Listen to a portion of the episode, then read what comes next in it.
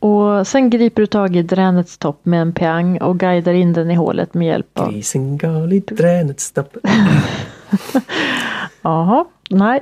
Nej okej. Förlåt. Den var inte jag med på men... mm, Det stod inte i manus. Nej, det gjorde inte det. Då vart jag helt ställd. Helt borta. Eh, ja, jag fortsätter.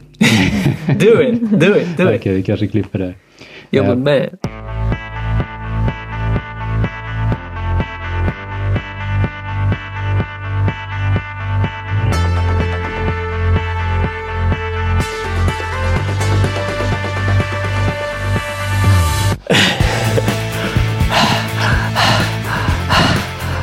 Mycket luft har strömmat in och ut genom bronkerna som vi såg sist. Men nu är vi här igen och ska, är helt redo och syresatta och eh, klara för ett nytt avsnitt av Kirurgipodden. Jajamensan. Det är jag eh, som är Kim, sitter bakom spakarna och eh, försöker få det att svinga på i ettor och nollor här i data, elektriska datamaskinen. Och sen har vi panelen, med Manu och Camilla. Whoop, whoop. Hej. Hur står det till? Bra. Tack bra. Okej. Eh, l- Hur står det till själv? det är första gången någon frågar det. Sen vi, bör, sen vi Nej. börjar. Jo. Nej, vadå Sen vi har vi började missat det varje gång? Nej. Det är aldrig någon som frågar mig hur jag mår. Ja men Kim, hur Nu mår ska du? nu när frågor sju så måste jag berätta. kommer allt på en gång. Nej, det är bättre att jag inte börjar. Jag, ska inte ens börja prata om, om det där. Alltså. Eh, Jag ska inte väcka en björn. Så, så. Nej, jag ska bara. Jag mår jättebra. Jag är speciellt glad över att få sitta här med er. Ännu en gång. Och. Mm, få eh, sprida eh, spread, spread, spreading the world to the people through the electric internet.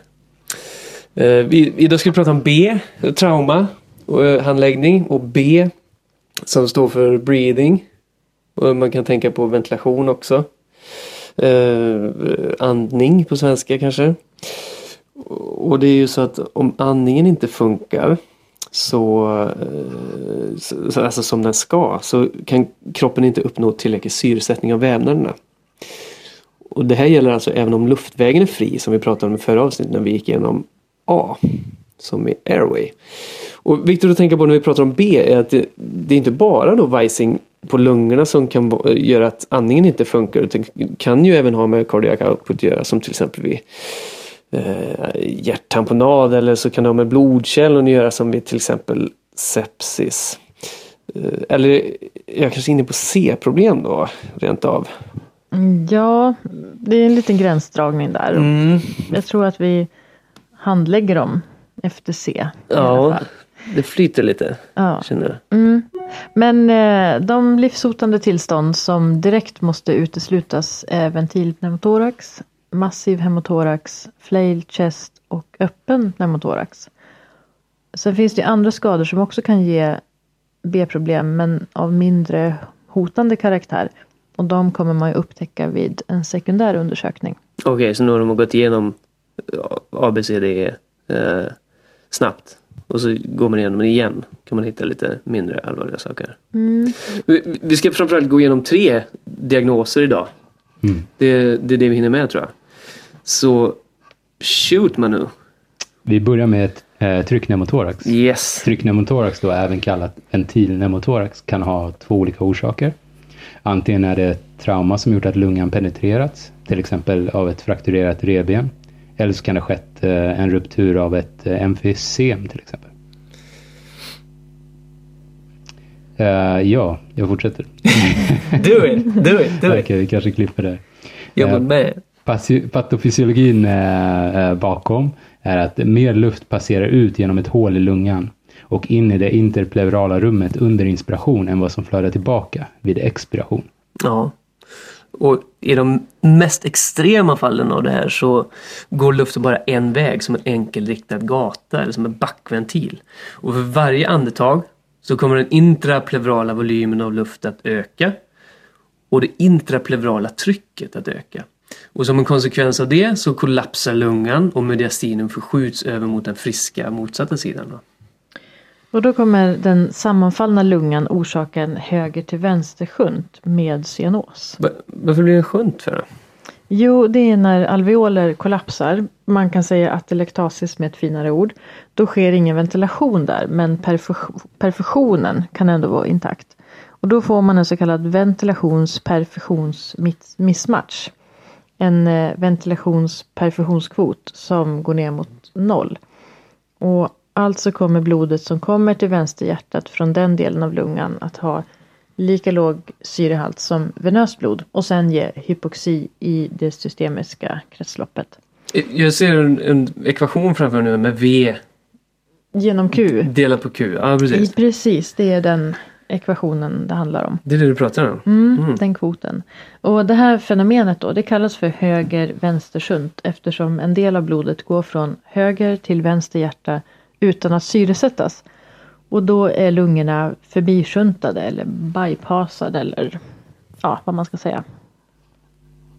Och det finns ju, ja, vi har läst tidigare den gamla, vi läste om kongenitala hjärt, medfödda hjärtsjukdomar som kan orsaka det också. Men, men en annan. Just det. Ja just det, ja. då, då är det mer lätt att förstå vad man menar med en shunt. För då är det ju, då kan det ju vara en så här faktisk förbikoppling Mm. av, eller överkoppling från höger till vänster. Mm. Okej. Ja. Och förutom den där höger till vänster shunten så kommer till slut hela mediastinum att förskjutas mot den friska sidan. Vilket gör att det blir en, en liksom, typ en knyck, kink på vena cava superior och inferior.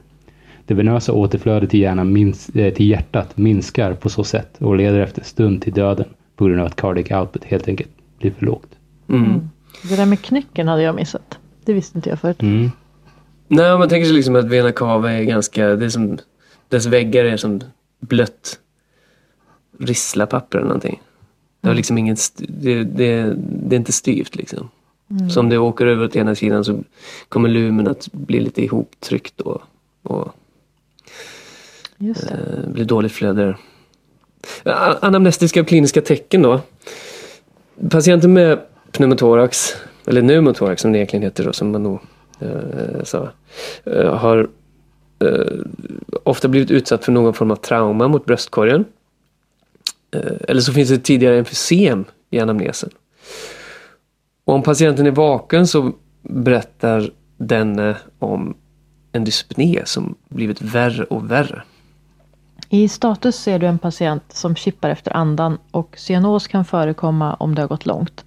I vissa fall ser man även uttända vener på halsen och på ena sidan av bröstkorgen, alltså på den sjuka sidan som har pneumotorax, så ser du en mindre rörlig bröstkorgsvägg. Man hör en hyperresonant perkussionston och avlägsna eller helt obefintliga andningsljud hör man eller hör man inte vid auskultation. Hur ska du ha det? Jag vet inte. Även senare i förloppet då kan du se att eh, då kan du se en trakea som viker av åt den friska sidan i fossa jugularis, in, eh, fossa jugularis sternalis.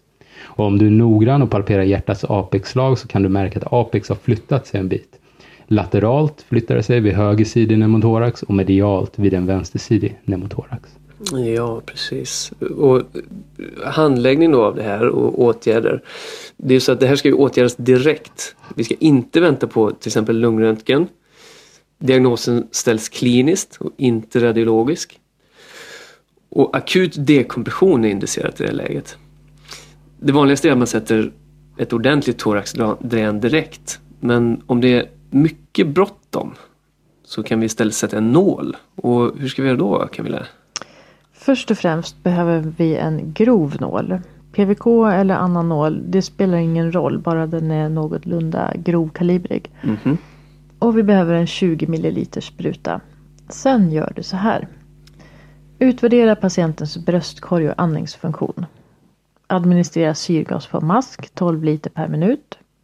Identifiera det andra interkostalrummet i midklavikulärlinjen på den sjuka sidan, den med pneumotorax. Om patienten är vaken och du tycker att du har tid, lokalbedöva stället du tänkt sticka på. Inom parentes kan jag säga att eh, vi gjorde lite OSKE-träning idag och eh, kriterierna där säger att man ska bedöva. Eh, så i en OSKE-situation förslagsvis bedöva. Ja, Mm. jag, vi gjorde en lite scenarioträning. Jag, jag tyckte att nej nu sticker jag utan att bedöva. Mm. Men då fick jag lite smäll på fingrarna faktiskt. Ja. Eh, vi, vi går vidare. Sen sätter du in nålen med en 20 ml spruta på. Och om du vill kan du lägga ett snitt i huden först så att det blir lättare att föra in nålen. Och om du nu kan aspirera luft så är diagnosen klar. Ta bort sprutan och det hör ofta ett väsande ljud och om det tyder då på att det är en äkta tryckpneumotorax. Och interpleurala, interpleurala det där var ett krångligt ord. Interpleurala rummet kommer snabbt att tömma sig eh, på luft och du kan känna luftströmmen om du håller handen typ 5 cm från nålen eller kanylen. Men det är ju bra att säga inte pleurala rummet ju. För att, annars kan man säga så att det är luft i pleura. Men det känns så ospecifikt på något sätt. För det är, det är inte luft i själva pleura egentligen. Det är ju i, Mm. inte pleura. Ja, nu fattar jag. Ja. Och det här med att administrera syrgas på mask 12 liter per minut. Det är inte 11 och inte 13 utan det är just 12. Var- Varför är det då? Ingen aning. Nej, det, är jag, det var faktiskt jag som läste en bok. Alltså Ja. var 12 just. Så lägg det på minnet. Ja. Inte 11, inte 13, utan 12. Ja. Och det här ingreppet då, det är en urakut åtgärd som egentligen bara konverterar en tryckpneumotorax så att den blir en vanlig pneumotorax. Och håll koll på ifall luft efter en stund börjar ta sig in i thorax genom nålen istället för ut. Då kan du sätta på en trevägskran på nålen, stänga den helt och låta nålen sitta kvar som säkerhet i väntan på att ett riktigt thoraxdran sätts. To- Thoraxdrän, förlåt. Då kan du öppna kranen igen och släppa ut övertryck om det byggs upp igen efter en stund. Mhm. Och Manu, nu vill jag att du sätter in ett ordentligt thoraxdrän. Ja, it. jo, okej. Ja, men då, då kommer jag behöva eh, ett thoraxdrän utan eh, troakar, eller hur uttalar ni det? Har ingen aning. Troakar. Troakar. Ja. Låter rimligt. Eh, vid trauma vill jag också ha ett eh, så grovt drän som möjligt, men som ändå får plats mellan revbenen på den aktuella patienten. Lite lokal anestetikum, eh, förslagsvis lidokain, minst 20 ml och 0,5 procentig. En dränärsbehållare med vattenlås, sterilt vatten, skalpell, en peang, liten och stor, det vill säga två peanger. Grov sutur, till exempel silknoll och en vattenfast självhäftande tejp. Yes, yes. And then? Vart ska du sätta dränet Camilla? Jag vill sätta det i femte interkostalrummet. På den sjuka sidan förstås. Det ska vara i midaxillarlinjen och det brukar hamna ungefär i bröstvårtehöjd på en man. På en kvinna kan man tänka submamarfåran. Det spelar egentligen ingen roll om det rör sig om pneumotorax eller hemotorax utan det handlar om trauma så är det femte interkostalrummet midaxillärt som gäller. Okej. Och eh, om möjligt så ska patienten sitta framåtlutad och vila bekvämt mot ett bord med en kudde på eller något liknande. Eh, vid trauma är det dock mer troligt att patienten ligger ner och då behöver armen på den berörda sidan vara uppåt över patientens huvud eller bakom nacken. Sen gör man en sista koll att de kliniska tecknen och eventuell radiologi om sådan finns stämmer med diagnosen. Markerar på huden var man vill sätta dränet. Förbereder en yta, steriltvättar så att säga, över två till tre revben och draperar området. Om du har tid till det, vill säga. Och lokalbedöva huden och en bit ner i vävnaden. Använd inte all lidokain nu eftersom du kan behöva det lite mer senare. Och lägg ett 2-3 cm långt transversellt snitt där du har tänkt sätta dränet. Använd piang för att dissekera trubbigt ner genom den subkutana vävnaden. Vidare neråt så att du snuddar vid revbenets superiora avgränsning. Och genom de interkostala musklerna. Slutligen ska du jobba dig igenom pleura paritale på liknande sätt. Och då kan lite mer LIA behövas. LIA då, lokal infiltrationsanestesi, Eh, förkortning. Eh, när pleura paritale punkteras med toppen av piangen så brukar oftast det märkas eh, genom att vätska eller luft strömmar igenom det nygjorda hålet. Och använd nu pekfingret och känn efter på insidan. Svep med fingret runt hålet så här. Ja, nu visar jag samtidigt, det ser inte ni. Men... Och känn att det inte finns några additioner på insidan som kan göra att lungan eh, sitter fast där och kan skadas av dränet sen då. Och sen griper du tag i dränets topp med en piang och guidar in den i hålet med hjälp av... Grisen gal i dränets stopp. Jaha, nej. Nej. Förlåt. Den var inte jag med på men...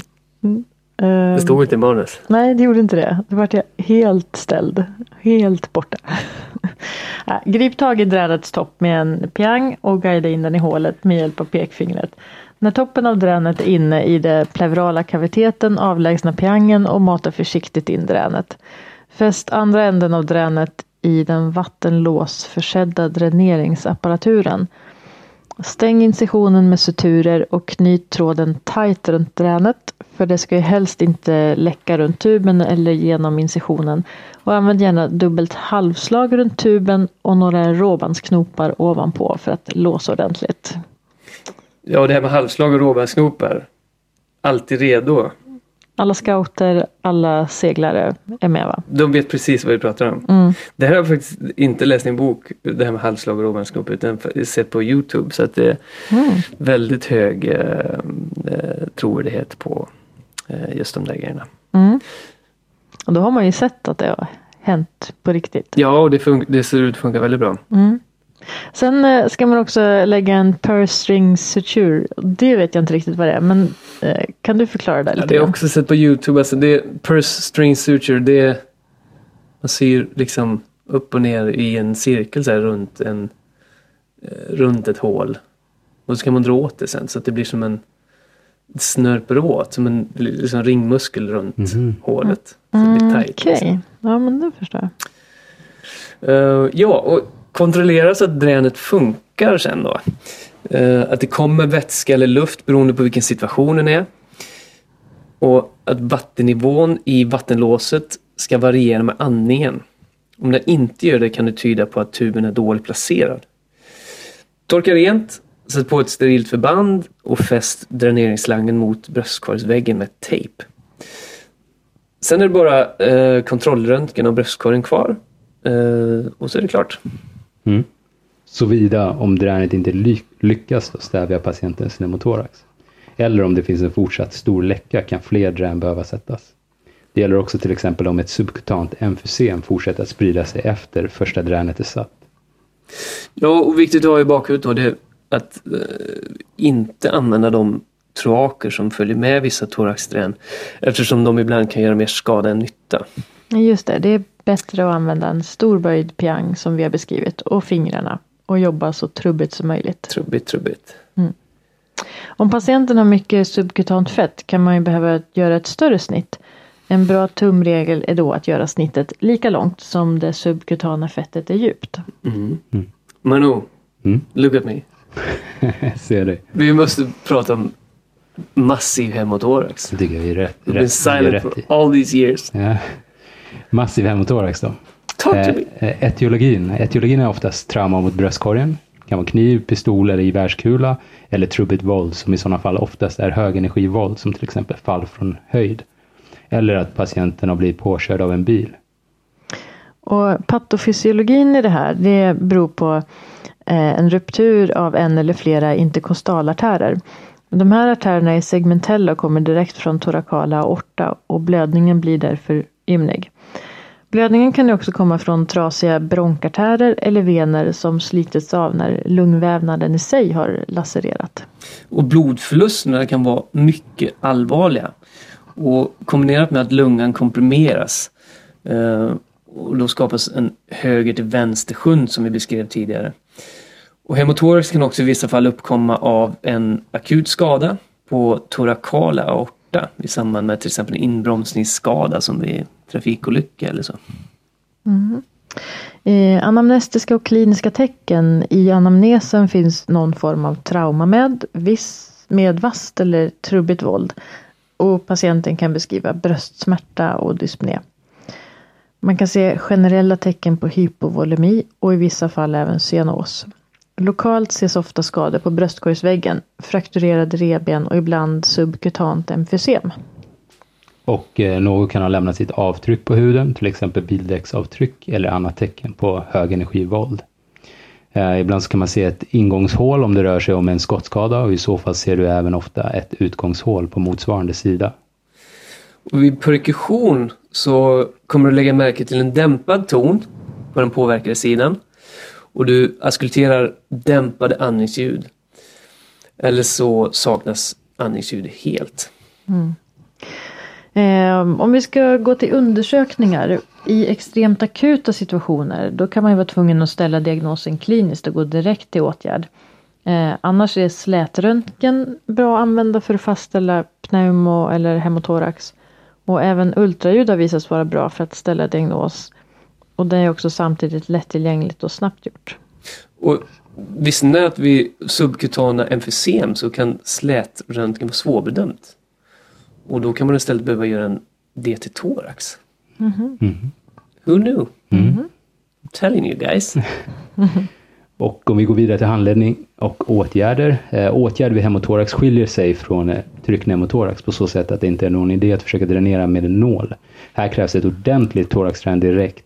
Och det är viktigt att tänka på att ha grovkalibriga PVK redo med vätska medan thorax dräneras för att återställa blodvolymen. Och om thorax töms på mer än en och en halv liter blod i ett svep. Eller om det kommer mer än 200 milliliter blod per timme i dränet. Så är det indikation för torakotomi för att stoppa blödningen. Och då måste ju förstås en thoraxkirurg kontaktas. Och det skyndsamt. Uh, Camilla, kan du berätta för mig vad flail chest är för någonting? Ja, flail chest.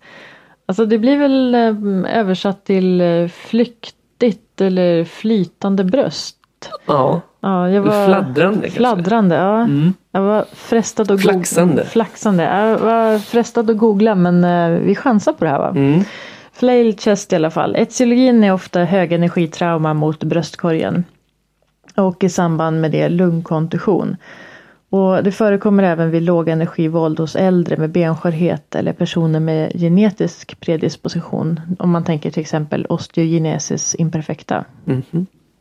Patiofysiologin bakom är eh, flertal remansfrakturer, oftast kommunuta då, det vill säga med fragment, som antingen kan vara enkel eller dubbelsidiga, men som i sin tur leder till instabilitet i bröstkorgen. Instabiliteten orsakas av att ett segment av bröstet blivit avkopplat från själva bröstväggen. Och det leder till en paradoxal andning eh, där patienten pressar luft ur lungan vid inandning istället för tvärtom. Men, men blir det verkligen så att luften pressas ut ur lungan? Ja, Ja, inte, kanske inte direkt, men man får inte det, Det blir neg- inte övertryck Nej, ändå. du får inte det negativa trycket där luften sugs ur. Då kommer den delen i och med att den inte är fäst.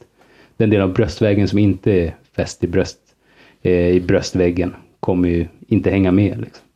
Eh, och då kommer man inte få den fysiologiska inströmningen av luft. Så inte, kanske inte direkt att man pressar ut luft. Men, Mm. något sånt. Eh, I anamnestiska och kliniska tecken då är det ofta så att patienter förmår inte att andas själv. Man kan se blåmärken på bröstkorgen och en del av bröstkorgen rör sig vad som verkar då vara inåt vid inandning. Och sen även dyspnei och bröstsmärta såklart. Och vi kan behöva använda lungröntgen och DT-thorax för att diagnostisera det här ordentligt. Eh, eller för att kartlägga omfattningen av eh, skadan. Och i och med att patienten inte förmår att andas själv så är intubering och respiratorvård indicerat. Eh, det är omdiskuterat om själva flail chest i sig är farligt, men i och med att det ofta förekommer i samband med lungkontusion, vilket i sin tur leder till skada av lungparenkymet, finns det då risk för eh, gasutbytesstörningar. Hmm. Alright folks. Eh, vi har sl- slut på tiden nu. Så vi måste dra ett streck i debatten. Mm. Eller det var inte mycket till debatt kanske. Men, men eh, ändå. Vi, vi, vi får nöja oss med de här tre väldigt viktiga traumadiagnoserna som vi hittar på B i traumahandläggningen. Och så går vi vidare nästa gång med eh, andra diagnoser och kanske gå vidare till C rent av. Vad, vad tror Ja. du? Det låter bra. Det låter bra. Tack för det här. Det är alltid ett sant nöje och en ära att få sitta här med er, expertpanelen, och gå igenom de här grejerna. Och som vanligt, ni till er som lyssnar, Eh, jag vill bara säga att det, jag vet att det finns en viss frustration att vi inte hinner gå igenom allt. Så är det ju. Liksom. Vi måste välja och vraka. Det är så mycket diagnoser och så lite tid. Men eh, det här är vårt bidrag den här veckan. Vad ska ni göra i veckan förresten? Mm, kum på akuten. Okej, Mm. vad drömmer du om? Samma, tillsammans Också med Camilla. Ja, grymt. Jag ska på, vara på Kjell, kirurgen. Det blir mycket spännande. Det kommer det bli. Kom ihåg när ni går där på KUM, ni två, Mm. att som Ajmal Khan sa, ni kan ordbajsa precis hur mycket ni vill, men ni måste bajsa rätt. Ja. Tack så ni ha. Tack själv. Hej. Hej då.